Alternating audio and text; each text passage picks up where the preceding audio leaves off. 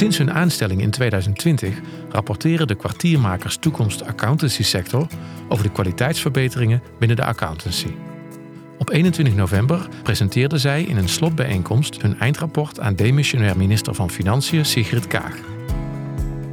Wat zijn de belangrijkste bevindingen van kwartiermakers Marlies de Vries en Chris Fontijn?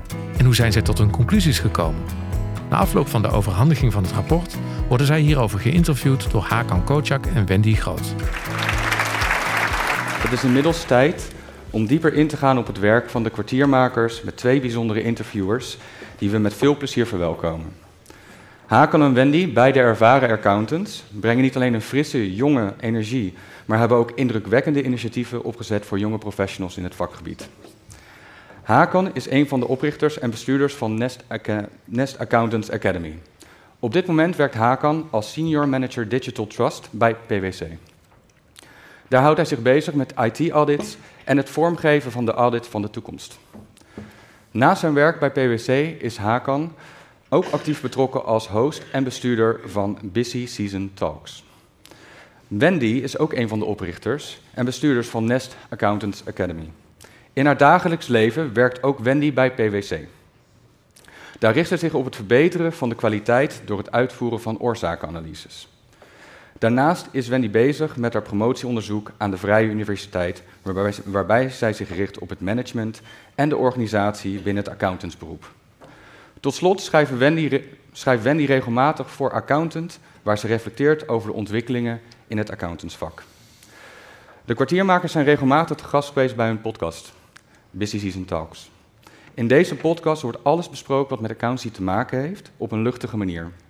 Deze podcast is waarschijnlijk deze avond dus nog ook te beluisteren, waar ze ingaan op de slotrapportage die nu gepubliceerd is. De kwartiermakers en de interviewers hebben elkaars wegen de afgelopen jaren meerdere, meerdere malen gekruist. Dat maakt deze bijeenkomst extra bijzonder.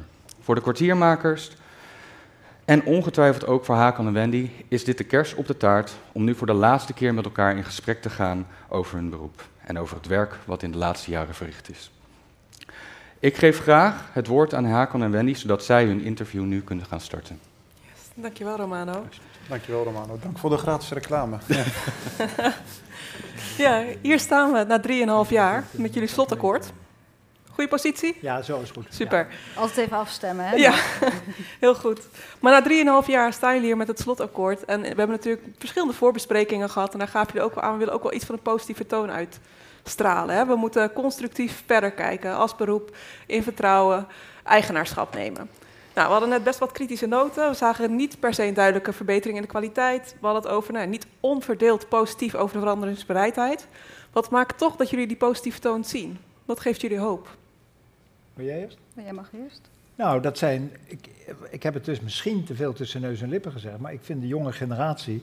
Iedere keer word ik echt heel enthousiast van, van de kracht en de power en de wil om het, uh, om het goed te doen. Dus ik, ik heb echt, echt serieus vertrouwen dat dat, uh, dat dat goed gaat komen. Dat is een van de dingen die me geraakt heeft.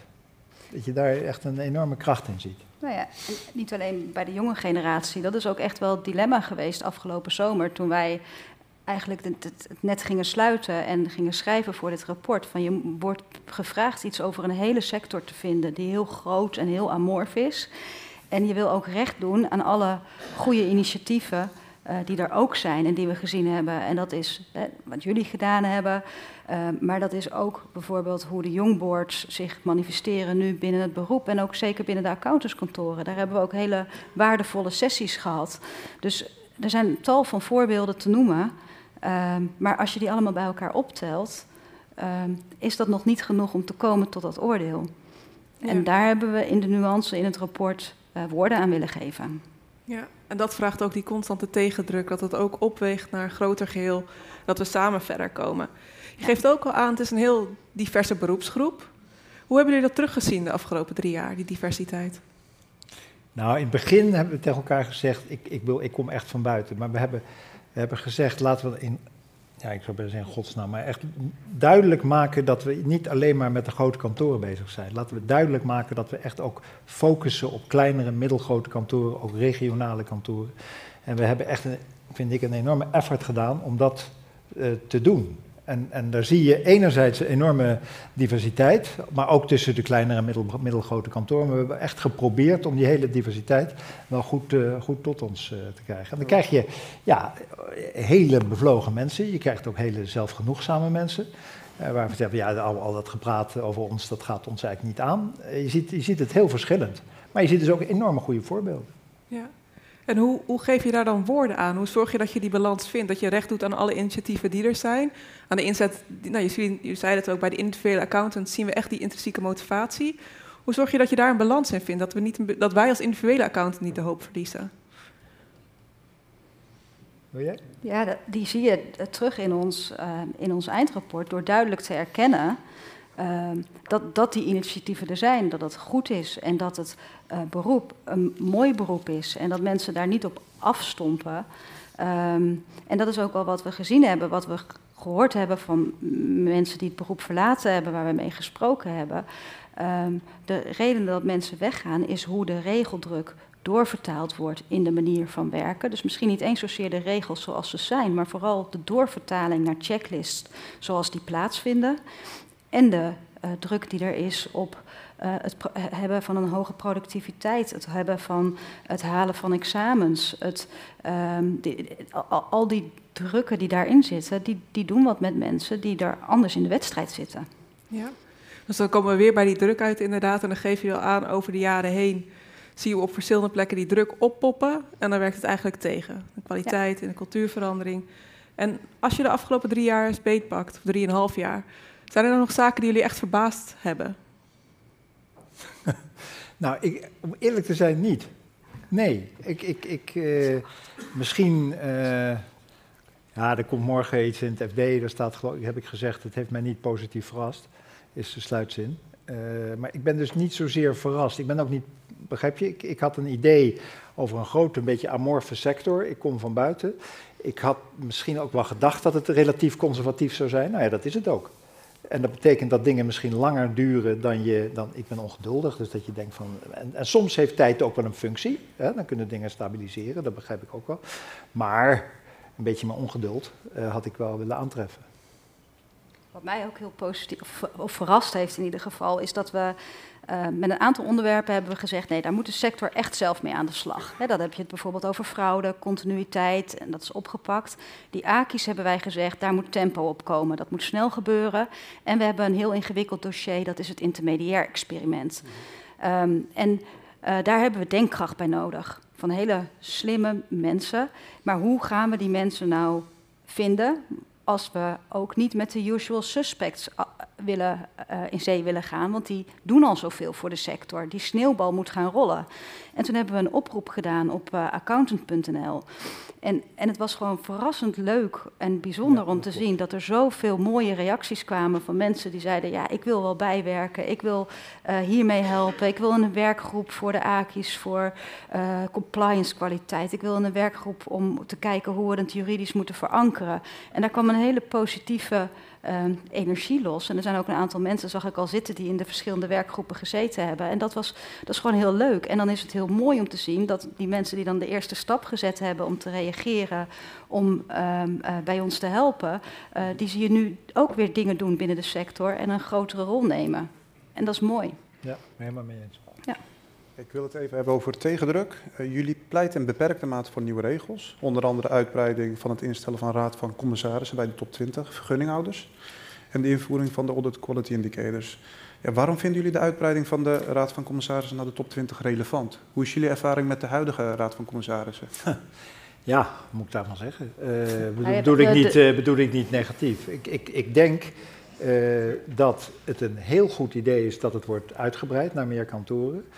Um, ik denk dat er grote kansen liggen om te proberen diversiteit, jongere mensen, mensen van buiten, kritische geesten in die raden van commissarissen te krijgen.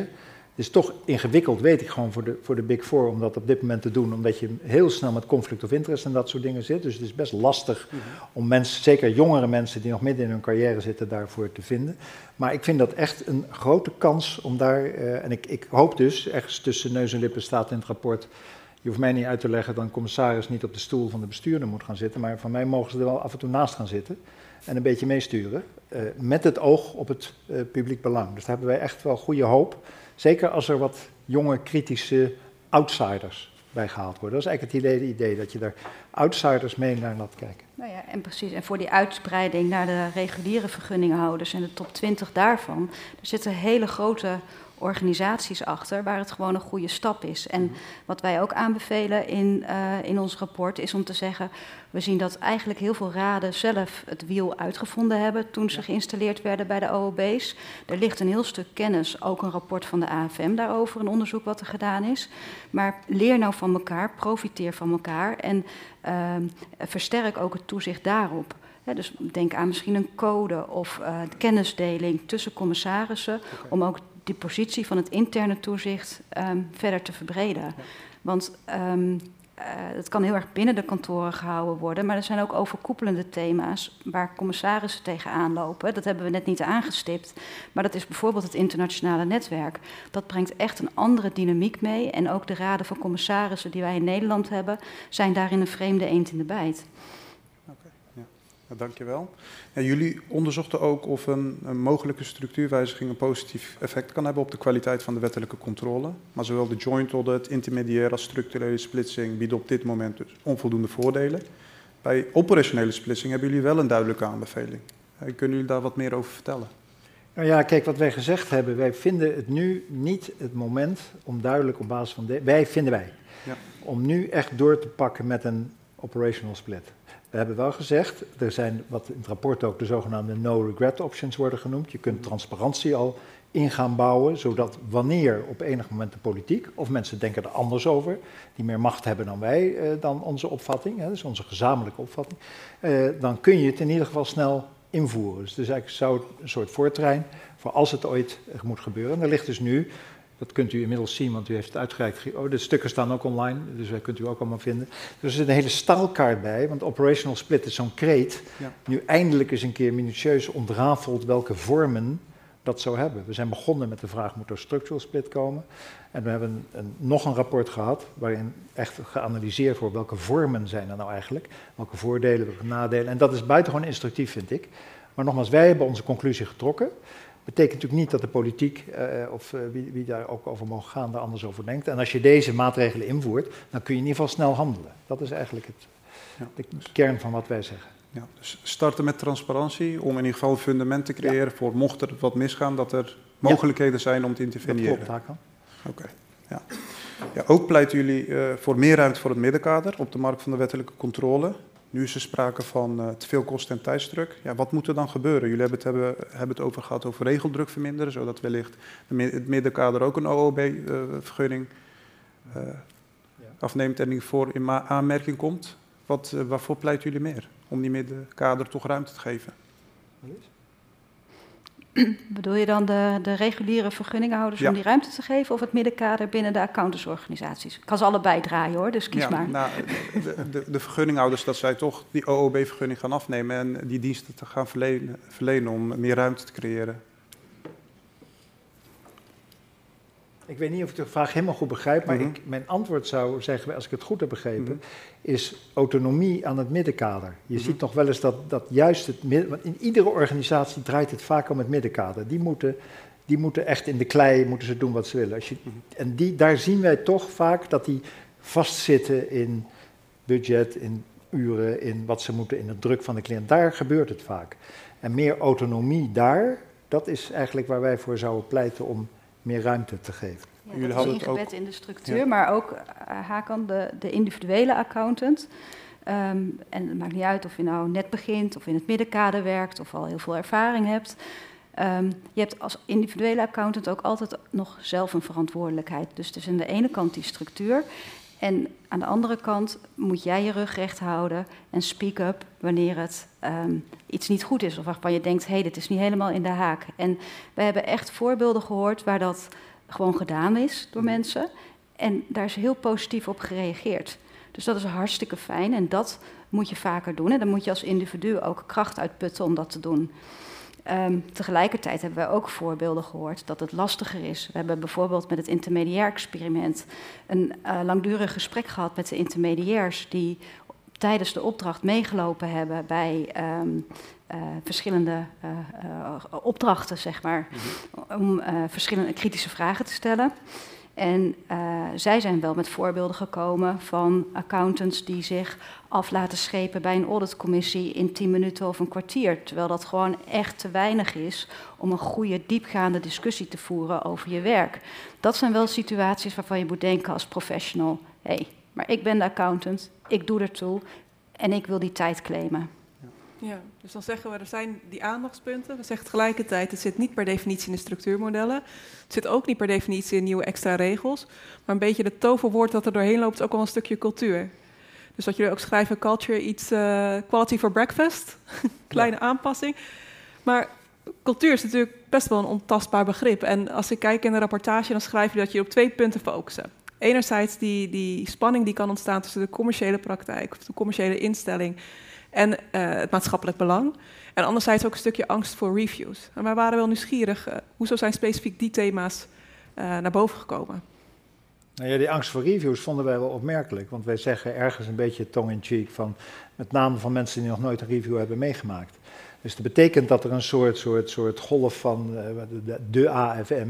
En overigens moet ik daarbij toevoegen, reviews niet alleen van de AFM, maar ook van het eigen kantoor. Die, staan, die worden net zo gevreesd, uh, soms wel erger. En we zijn over met, de, over, met de AFM zijn we in gesprek gegaan daarover. Hoe doe je dat dan? Hoe, hoe, communiceer je daarover? Ik vond dat dat is een wederzijds, zowel door de sector als door de AFM, goed gevoerd gesprek. Hoe krijg je nou die angst weg? Hoe zorg je dat het gewoon een professionele dialoog is over wat er gedaan is? Ja, maar je, je ziet toch, het zit er diep in. Uh, en, en, hoe je dat wijzigt is toch even een vraag. De geloof ik, ziet dat en, en heeft zich ook wel daarop op georiënteerd. Ja, en, en, eh, maar, die, maar angst is, een, is een, een emotie die soms moeilijk uh, weg te krijgen is. Maar die hebben we wel gezien. Het is balanceren tussen um, um, aan de ene kant heel logisch dat je compliance eisen hebt en dat mensen een bepaalde lat moeten tikken om een promotie te kunnen krijgen of dat je een schoon dossier moet hebben om een volgende stap te kunnen zetten. Uh, versus um, het vertrouwen geven dat een professional het goede doet. En hoe je daar als leiderschap mee omgaat, dat is per organisatie verschillend. Want dat is ook het lastige met de organisatiecultuur. Het is niet één organisatie. Elke uh, cultuur is anders. Ik weet nog in mijn tijd bij Nijenrode dat ik uh, zelf in de collegebanken zat. En ik kon echt zo zien van, nou, die is van de Belastingdienst, die komt bij EY vandaan en dit is iemand van KPMG. En waar zag ik dat aan? Dat is, dat, nou ja, dat is ook een stukje cultuur of uh, uiting daarvan. Ja, en dan, dat is dus best wel vaag. Ja, hoe kunnen we dan die, die angst verminderen? Of misschien anders gesteld, heb je ook positieve voorbeelden gezien van hoe er binnen organisaties mee om is gegaan? Dat helpt om om te gaan met die reviews, om die lerende houding aan te houden. Zeker. Ja. We hebben daar positieve voorbeelden ook van gezien, Wendy. En um, uh, hoe daar in organisaties mee omgegaan is. Maar wat we ook gezien hebben, dat was heel leuk bij een werkbezoek, uh, wat we in het voorjaar gehad hebben, ergens in de provincie, in de Gelderse Vallei. Um, en, um, um, en, en daar was een accountant en die had een, uh, met zijn kantoor met iemand samen. En die zei, nou, er is net het rapport van de AFM uitgekomen, het uh, klantacceptatieonderzoek uit mijn hoofd, maar pin me er nu even niet op vast. Um, en nou, daar staan punten in. Een aantal hebben we, maar sommige ook niet. Dus ik ben nu meteen aan het kijken in mijn processen, in mijn werkproces, wat wij met elkaar anders kunnen doen om hiervan te leren. Dus dat is eigenlijk een heel mooi voorbeeld van partijen die niet eens onderdeel geweest zijn van die review, maar het ook dan ook echt aan willen pakken. Dat is grappig dat je het zegt, wat je beschrijft hier, die is gaan kijken naar de inhoud, naar de processen. En dat is tegelijkertijd ook wel een soort van aandachtspunt dat jullie benoemen, dat wij als accountants nogal snel die neiging hebben om het actiegericht aan te pakken op de regels, op de inhoud en de ja. processen. En dat dat ook een grens heeft. Ben ik, ben ik eens. Ik vind het een leuk voorbeeld van Marlies, maar het is wel een attitude dat je zegt, nou, er komt een kritisch rapport. Niet dat rapport deugt niet, of, of waarom is dat nou weer en zo, maar dat je zegt, oké, okay, wat kan ik daarmee? Ja. En dat vind ik wel fundamenteel met, met cultuur te maken hebben. Ja, dus dan gaat het meer om die proactieve ja, houding. Ja, de houding ten opzichte van wat er op je afkomt. Ja. Ja, en um, kijk, je kan ook van een kind wat ehm, nog maar net, bij wijze van spreken, fietst, niet verwachten dat hij een wedstrijd fietst op een BMX. Dus ehm, je moet ook ehm, eh, kijken naar wat er eh, wel gedaan wordt in plaats van eh, wat je dan eigenlijk mist. Ja. En dat is eigenlijk het voorbeeld wat hier gebeurt. Jij vraagt een positief voorbeeld, wij geven een positief voorbeeld en je weet het toch nog weer ietsjes naar beneden te halen. Ja. En omarm nou gewoon de positiviteit en de positieve dingen die je hoort. Want dat is ook iets wat we gezien hebben in de sector. Als er één ding is wat negatief is, dan, dan ja, wat doet dat met de aantrekkelijkheid van het beroep? Nu wil niemand meer accountant worden. Mensen lopen weg bij bosjes. En, en, en alles wat in, dan in het FD staat met een grote kop, dat wordt negatief opgevat. En ehm, ja, dat is niet fijn. Maar tegelijkertijd zijn er ook, kijk verder dan alleen de krantenkop. En. Kijk verder naar de intentie daarachter en relativeer daar dus ook wat meer in. Ja. En dat zou ik de sector ook wel heel erg gunnen. Dat is een mooi perspectief. En ik moest eigenlijk denken aan een van mijn zoontjes. Die heeft zoveel zelfvertrouwen. Toen hij net kon fietsen, was hij er 100% van overtuigd dat hij die wedstrijd had kunnen fietsen. Dus misschien een beetje kinderlijke positiviteit. Ja. Dat dat zou werken. Andere vraag. Jullie kwartiermakersrol zit erop. Zo goed als. Hè? Ja. Nog de laatste gesprekken, presentaties. Nou, dan vallen jullie natuurlijk in een zwart gat. Zeker. Stel, jullie krijgen een sleutel tot het hoofdkantoor van een of andere accountsorganisatie. En jullie Oh mogen het helemaal zelf gaan bepalen. Wat is het eerste wat je zou gaan aanpakken? Ja, dat is wel een hele leuke vraag. Marlies, ja, mag jij beginnen? Ja, ho, ho, ho, jij bent dit de advocaat geweest met je pleidooi uitvoerig. Dus ik zou zeggen, jij mag. Ehm, ik zou als eerste, voordat ik überhaupt een plan de campagne heb, zou ik heel veel gaan praten. Want er, er is geen kantoor zonder mensen en de mensen maken het kantoor. En dan moet je me die vraag nog een keer stellen. Ik zou, en ik, maar ik moet eerlijk zeggen, ik twijfel er eigenlijk niet aan dat het gebeurt. Ik zou als, als leiding, ik zou me enorm engageren met de, met de, met de jongeren. En zeggen, wa- wat, wat is nou wat jullie zien? Want die zien veel meer dan je denkt. En je denkt vaak dat je door je ervaring heel veel wijsheid pakt, maar die, die jongeren zien dingen waarvan ze, waarvan- die, die, vinden dingen raar soms. En hoe meer je daarin verdiept, denk ik, hoe meer je zelf gaat voelen wat je zou moeten veranderen. Dus ik denk, maar ik, bedoel, ik twijfel er niet aan, verstandige bestuurders doen dat. Hè? Maar ik denk dat het heel belangrijk is om je daar ook door te laten, te laten voeden. En niet alleen maar door de staf en, je, en de eh, hooggeleerde omgeving waar je soms in zit als Heb leider. je daar voorbeelden van, eh, Chris, van de afgelopen jaren?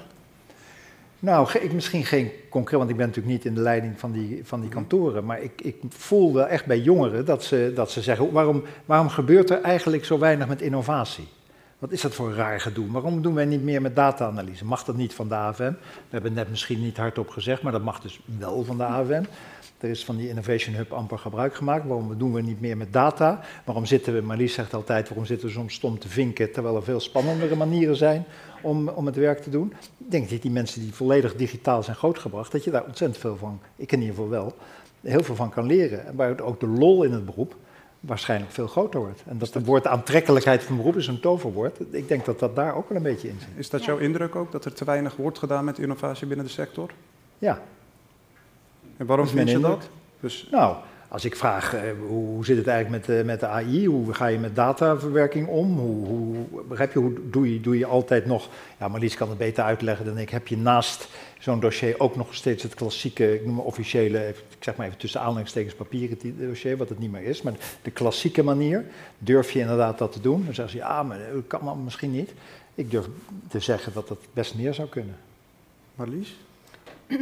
Nou, er zitten best wel veel accountants in de zaal. En, eh, dus Ja? ik, ik kan me nu wel. Mag ik even los in de vakterm? Nee, maar wat je ziet de afgelopen jaren is dat er een tendens is op de gegevensgerichte controle. Dus, dus uiteindelijk, naar aanleiding van onderzoeken die er geweest zijn, we checken alles gewoon dicht. Mhm. En wat, maar ja, ik ben een liefhebber van de organisatie en de interne beheersing en de cultuur daarbinnen. Eh, wat ik altijd zo mooi vond aan het werken als accountant, is dat je juist in die interimcontrole naar je klant toe gaat. Je hebt gesprekken, je kijkt naar de processen, je brengt in kaart hoe die hazen lopen. En ehm, dat daar eigenlijk ehm, steeds minder aandacht voor is, omdat je aanpak op een andere manier uitgevoerd wordt. En, en dat is eigenlijk jammer. En ehm, ik denk dat het echt aantrekkelijkheid van het beroep vergroot als je daar weer die andere aanpak durft te nemen. En bovendien, met de ontwikkeling, die hebben we net niet aangespitst eh, of aangestipt over de verklaring omtrent risicobeheersing. Ehm, kijk, de accountant hoeft er nu nog helemaal niks van te vinden. Uh, hij moet er ook überhaupt eerst nog komen. Maar um, uiteindelijk is het dus wel belangrijk dat je daar als accountant uh, ook voldoende van weet en relevant in bent. En daar moet je dus meer naar kijken. Heb je daar de afgelopen jaren geen verandering in gevoeld? Van we, gegevensgericht om die IT, om die interne beheersing heen, naar toch meer dwars door de organisatie en de gecontroleerde organisatie echt challengen op die interne beheersing? Ik, we hebben het niet als dusdanig teruggekregen van de mensen die wij gesproken mhm. hebben. En ook niet vanuit de gecontroleerde entiteiten. Die zeggen eigenlijk: wij willen veel meer met systemen, veel meer met uh, uh, de accountant challengen om op een bepaalde manier te kijken. Um, en uh, de accountant blijft het eigenlijk maar een beetje op die traditionelere manier doen. En dat was ook een signaal wat we vanuit de intermediairs hebben teruggekregen. Dat is verder niet meegenomen in de weging van het intermediair oordeel, maar het is wel iets wat me verwonderde. En Haken, mag ik nog even terug naar een ander onderwerp mhm. van daarnet? Over de jonge accountants of over mhm. jonge mensen. Ik wil wel nadrukkelijk zeggen, want bij mij doet het altijd iets van: oh ja, daar hoor ik misschien ook nog wel een beetje bij. Inmiddels al lang niet meer. Dus de jonge accountants is voor ons wel uh, de groep die er uh, voor iedereen die zich jong voelt. Nou, en die dus op een bepaalde manier met een verwondering en met een bepaalde aanpak het beroep wil veranderen en daaraan wil, uh, wil bijdragen. Um, dus ik zal niet alleen gaan praten met de mensen die net begonnen zijn, want die zijn ook nog volop bezig in een aanpassingsproces. Maar de, ook met de meer ervaren partners die uh, al langer meelopen en waar die tegenaan lopen. Dat is geruststellend, Wendy. Ja, ik hoor heel wat rumoer af. Oh. Er zijn heel veel mensen blij dat ze weer jong prof zijn. ja. Hoe zouden de accountskantoren die mensen meer kunnen faciliteren om toch meer een leidende rol te nemen? Of moeten de jongeren dat zelf doen? Of mensen die zich jong voelen? Het is een wisselwerking van beide. Ik denk dat er al best wel wat is in de structuren van de accountantskantoren. En ook binnen de MBA met de uh, manieren om je te kunnen uiten. Um, en um, ja, ik verwacht dat ook wel gewoon van de mensen zelf. Dat is ook de individuele accountant, die natuurlijk ook in gedrag een hele belangrijke rol heeft. Ik begrijp wel hoe moeilijk dat is, hè? als je in toch een relatief hiërarchische organisatie komt, om dan inhoudelijk is één, maar dan ook nog de leiding challengen op wat ze al of niet beter moeten doen, dan moet je van goede huizen komen. Dat is, ik, wij moedigen aan dat dat gebeurt, maar ik begrijp wel dat het moeilijk is. Wellicht dat er een uh, oplossing zit in educatie. Uh, educatie heeft een rol gekregen in jullie rapport. Uh, die, de expertgroep heeft een heel mooi rapport geschreven. Wat vinden jullie er echt goed aan? We hebben het volledig omarmd. Dus uh, wij zeggen volmondig alles. Punt. Alles, punt. Kun je, kun je daar wat voorbeeld geven? Wat vind je echt goed? Wat ik echt goed vind is dat uh, we de expertgroep gevraagd hebben, samen met de MBA, om eens na te denken vanaf een blank vel papier. Uh, hoe zou nou die toekomstige opleiding eruit moeten zien? Mm -hmm. Het nadenken over die toekomstige opleiding kan niet zonder goed na te denken over een beroepsprofiel. Dus dat uh, moet natuurlijk in de eerste instantie gebeuren. Maar ze hebben die handdoek opgepakt en uh, hebben daar dus ook echt goed naar gekeken. Breed geconsulteerd in de sessie, er kwam, of in de, in de sector. Er kwam een hoop rumoer los. Uh, wij kregen zelfs een keer de opmerking: kwartiermakers gaan nou niet een ronde tafel doen, want het zijn er al zoveel de laatste tijd. Um, dus er is echt heel veel gepraat, heel afgewogen uh, onderzoek geweest en een mooi voorstel waarin gekeken wordt naar de opleidingen. Dus hoe moet dat er nou uitzien vanaf het HBO, vanaf de universiteit en uiteindelijk verder ook richting permanente educatie. Maar daar is ook een hele belangrijke onderdeel van, de structuur. Is het wel logisch dat de CA uh, toezicht houdt op de accountantsopleidingen? En zou dat niet gewoon veel beter binnen het kader wat wij hebben, de NVAO in Nederland, daar meer ondergebracht kunnen worden? Dat zijn allemaal onderwerpen die daar, uh, daarin belicht zijn. En ik. Uh, uh, ik hoop echt dat dit heel goed opgepakt gaat worden. Ja. Denk je dat het ook uh, gelukt is om de zijinstroom uh, beter te organiseren? Er komt natuurlijk heel veel werk op ons af. We hebben niet alleen mensen met een accountancy-achtergrond nodig, ook mensen met andere achtergronden. Denk je dat dat goed gelukt is in het voorstel? Ja, dat is heel goed gelukt. Dus de aantrekkelijkheid en de studeerbaarheid van de opleiding is zeker uh, verbeterd met de voorstellen. En ook de mogelijkheid om in te stromen in de opleiding, ook voor internationale studenten, uh, wordt echt beter. En dat is hard nodig. En toch de specialisatie die er ook echt meer gestructureerd uh, in zit. Dus toch, de, de, toekomst gaat dat toch uitwijzen. Ja. Ja, dus niet meer het schaap van vijf met vijf poten. Nee. Ja. Marco, mag ik jou een vraag stellen? Zeker. ik zie je zo kijken. Wat, um, wat, wat, wat, vond je ervan toen we jou vroegen? Wat dacht je? Wat, wat vind je er nou van om hier te staan? Ja, ik had er in eerste instantie helemaal geen zin in. uh, omdat ik ook best wel druk voelde en ik, ik had een drukke periode. Maar aan de andere kant is ook wat ik al drie jaar doe. Uh, samen met heel veel andere jonge accountants. Een uh, podium creëren voor jonge mensen om uh, meer grip te houden grip, en controle te houden over hun eigen beroep, over hun eigen ontwikkeling. En ook met die verantwoordelijkheid sta ik hier vandaag. Ik vond het een hele eer dat jullie ons hebben gevraagd. En echt heel erg relaxed dat ik dat ook lekker met Wendy kan doen, omdat we al heel veel hebben geïnterviewd. En, en, met dat gevoel sta ik hier. Ook met trots. En ook dat wij samen met heel veel andere jonge accountants. We hebben hier een aantal mensen ook van Nest Accounts Academie. En heel veel mensen hier, denk ik, ook van Busy Season Talks. En dat vind ik heel leuk om ze hier ook te treffen. Ik voelde me vandaag niet alleen. Dus toen ik net in, in de zaal liep, zijn er heel veel jonge mensen waarvan wij zeggen: met die mensen gaan we het straks doen. Dan gaan we eigenaarschap nemen over uh, het beroep. Mooi. Mooi. Ja, jullie zijn daar natuurlijk ook voor ons een soort. Een, uh, een, een, voorbeeld weer voor de volgende generatie. Want volgens mij hebben we net ook al vastgesteld dat jullie misschien niet eens ook helemaal meer richting die hele jonge professional gaan. Maar uh, de toon die jullie de afgelopen jaren gezet hebben, is voor ons echt een hele belangrijke. En ik denk voor de sector ook. En um, nou, ik ben blij om te horen dat je die handschoen daarin oppakt en het ook uh, uh, goed verder wil gaan brengen. Ja. En misschien, wat, wat, is die boodschap dan van jullie voor die individuele accountant die straks wel of niet het rapport leest? Uh, hoe moet hij morgen opstaan en weer, met wat voor gevoel moet hij weer beginnen met uh, wat hij dagelijks aan het doen is? Of Ik zij. zou zeggen, laat je niet uit het veld slaan. Mm -hmm. Heb zelfvertrouwen. Weet dat je echt een goed, relevant, maatschappelijk belangrijk beroep doet. En laat je van je beste kant zien. En doe je waffel open. Doe je waffel open. Oké, okay, dat is een hele duidelijke. Ja, je bent gewoon heel hard nodig. Ja.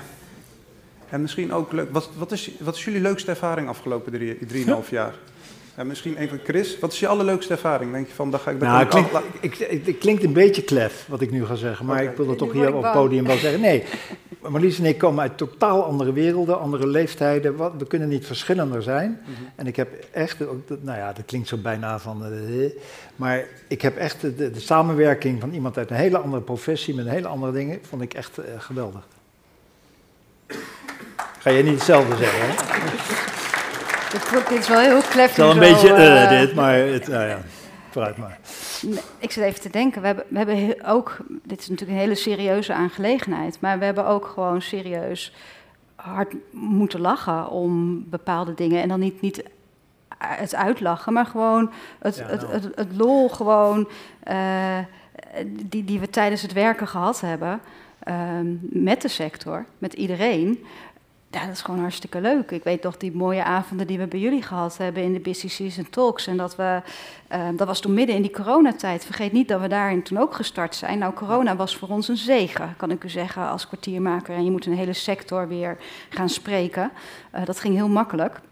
Met al de schermpjes. Maar toen ontstond ook jullie initiatief. En ik weet nog dat we daar waren. En uh, digitaal, gewoon in het joggingpak op de bank inbellen. En het was gewoon zo leuk gesprek wat we met iedereen hadden. En het stond open voor alle deelnemers. En het gesprek duurde en duurde maar. En we gingen echt ruim over die tijd heen. En toen werd er een aftertalk geopend. Nou, Mark zal dat nog wel weten, want die was de vaste host uh, daarin. En dat was gewoon hartstikke mooie energie. Dus dat is gewoon prachtig. En dat vind ik wel een hele mooie maar goed, we hebben ook wel eens gehad, we waren op bezoek bij een kantoor en dan kreeg je een uur les over de eigen voortreffelijkheid. En dan zaten we echt na afloop in de auto van, my god, wordt dit ooit nog iets? Hè? Ja, dus daar hebben jullie ook om gelachen volgens mij, ja. moeten we als, uh, Chris, Marlies, moeten we die aanjagersrol, want jullie zeggen, nou, onze rol houdt hierop. Maar moet dat op een andere manier geborgd worden? Nou, wij zijn daar een beetje eigenlijk heel duidelijk en scherp in. We maken met een beetje een grapje over, of een grapje, we menen serieus over educatie. Dat het goed zou zijn dat iemand alle dots verbindt en dat, en dat we zeggen heel duidelijk not us. Uh, even voor alle, voor alle duidelijkheid of insinuatie. Uh, nu is het gewoon echt gewoon aan de sector, aan de commissarissen, aan de leiding, aan de individuen, aan de AFM. En bedoel, dat, als het nu niet gebeurt, dan gaat het echt nooit meer gebeuren. En daar heb je echt geen kwartiermakers meer voor nodig. Ter afsluiting denk ik. Volgens ja. mij zijn we bij het einde aangekomen. Willen jullie nog iets kwijt? Iets wat we niet besproken hebben? Iets wat niet in de inleiding ter sprake is gekomen?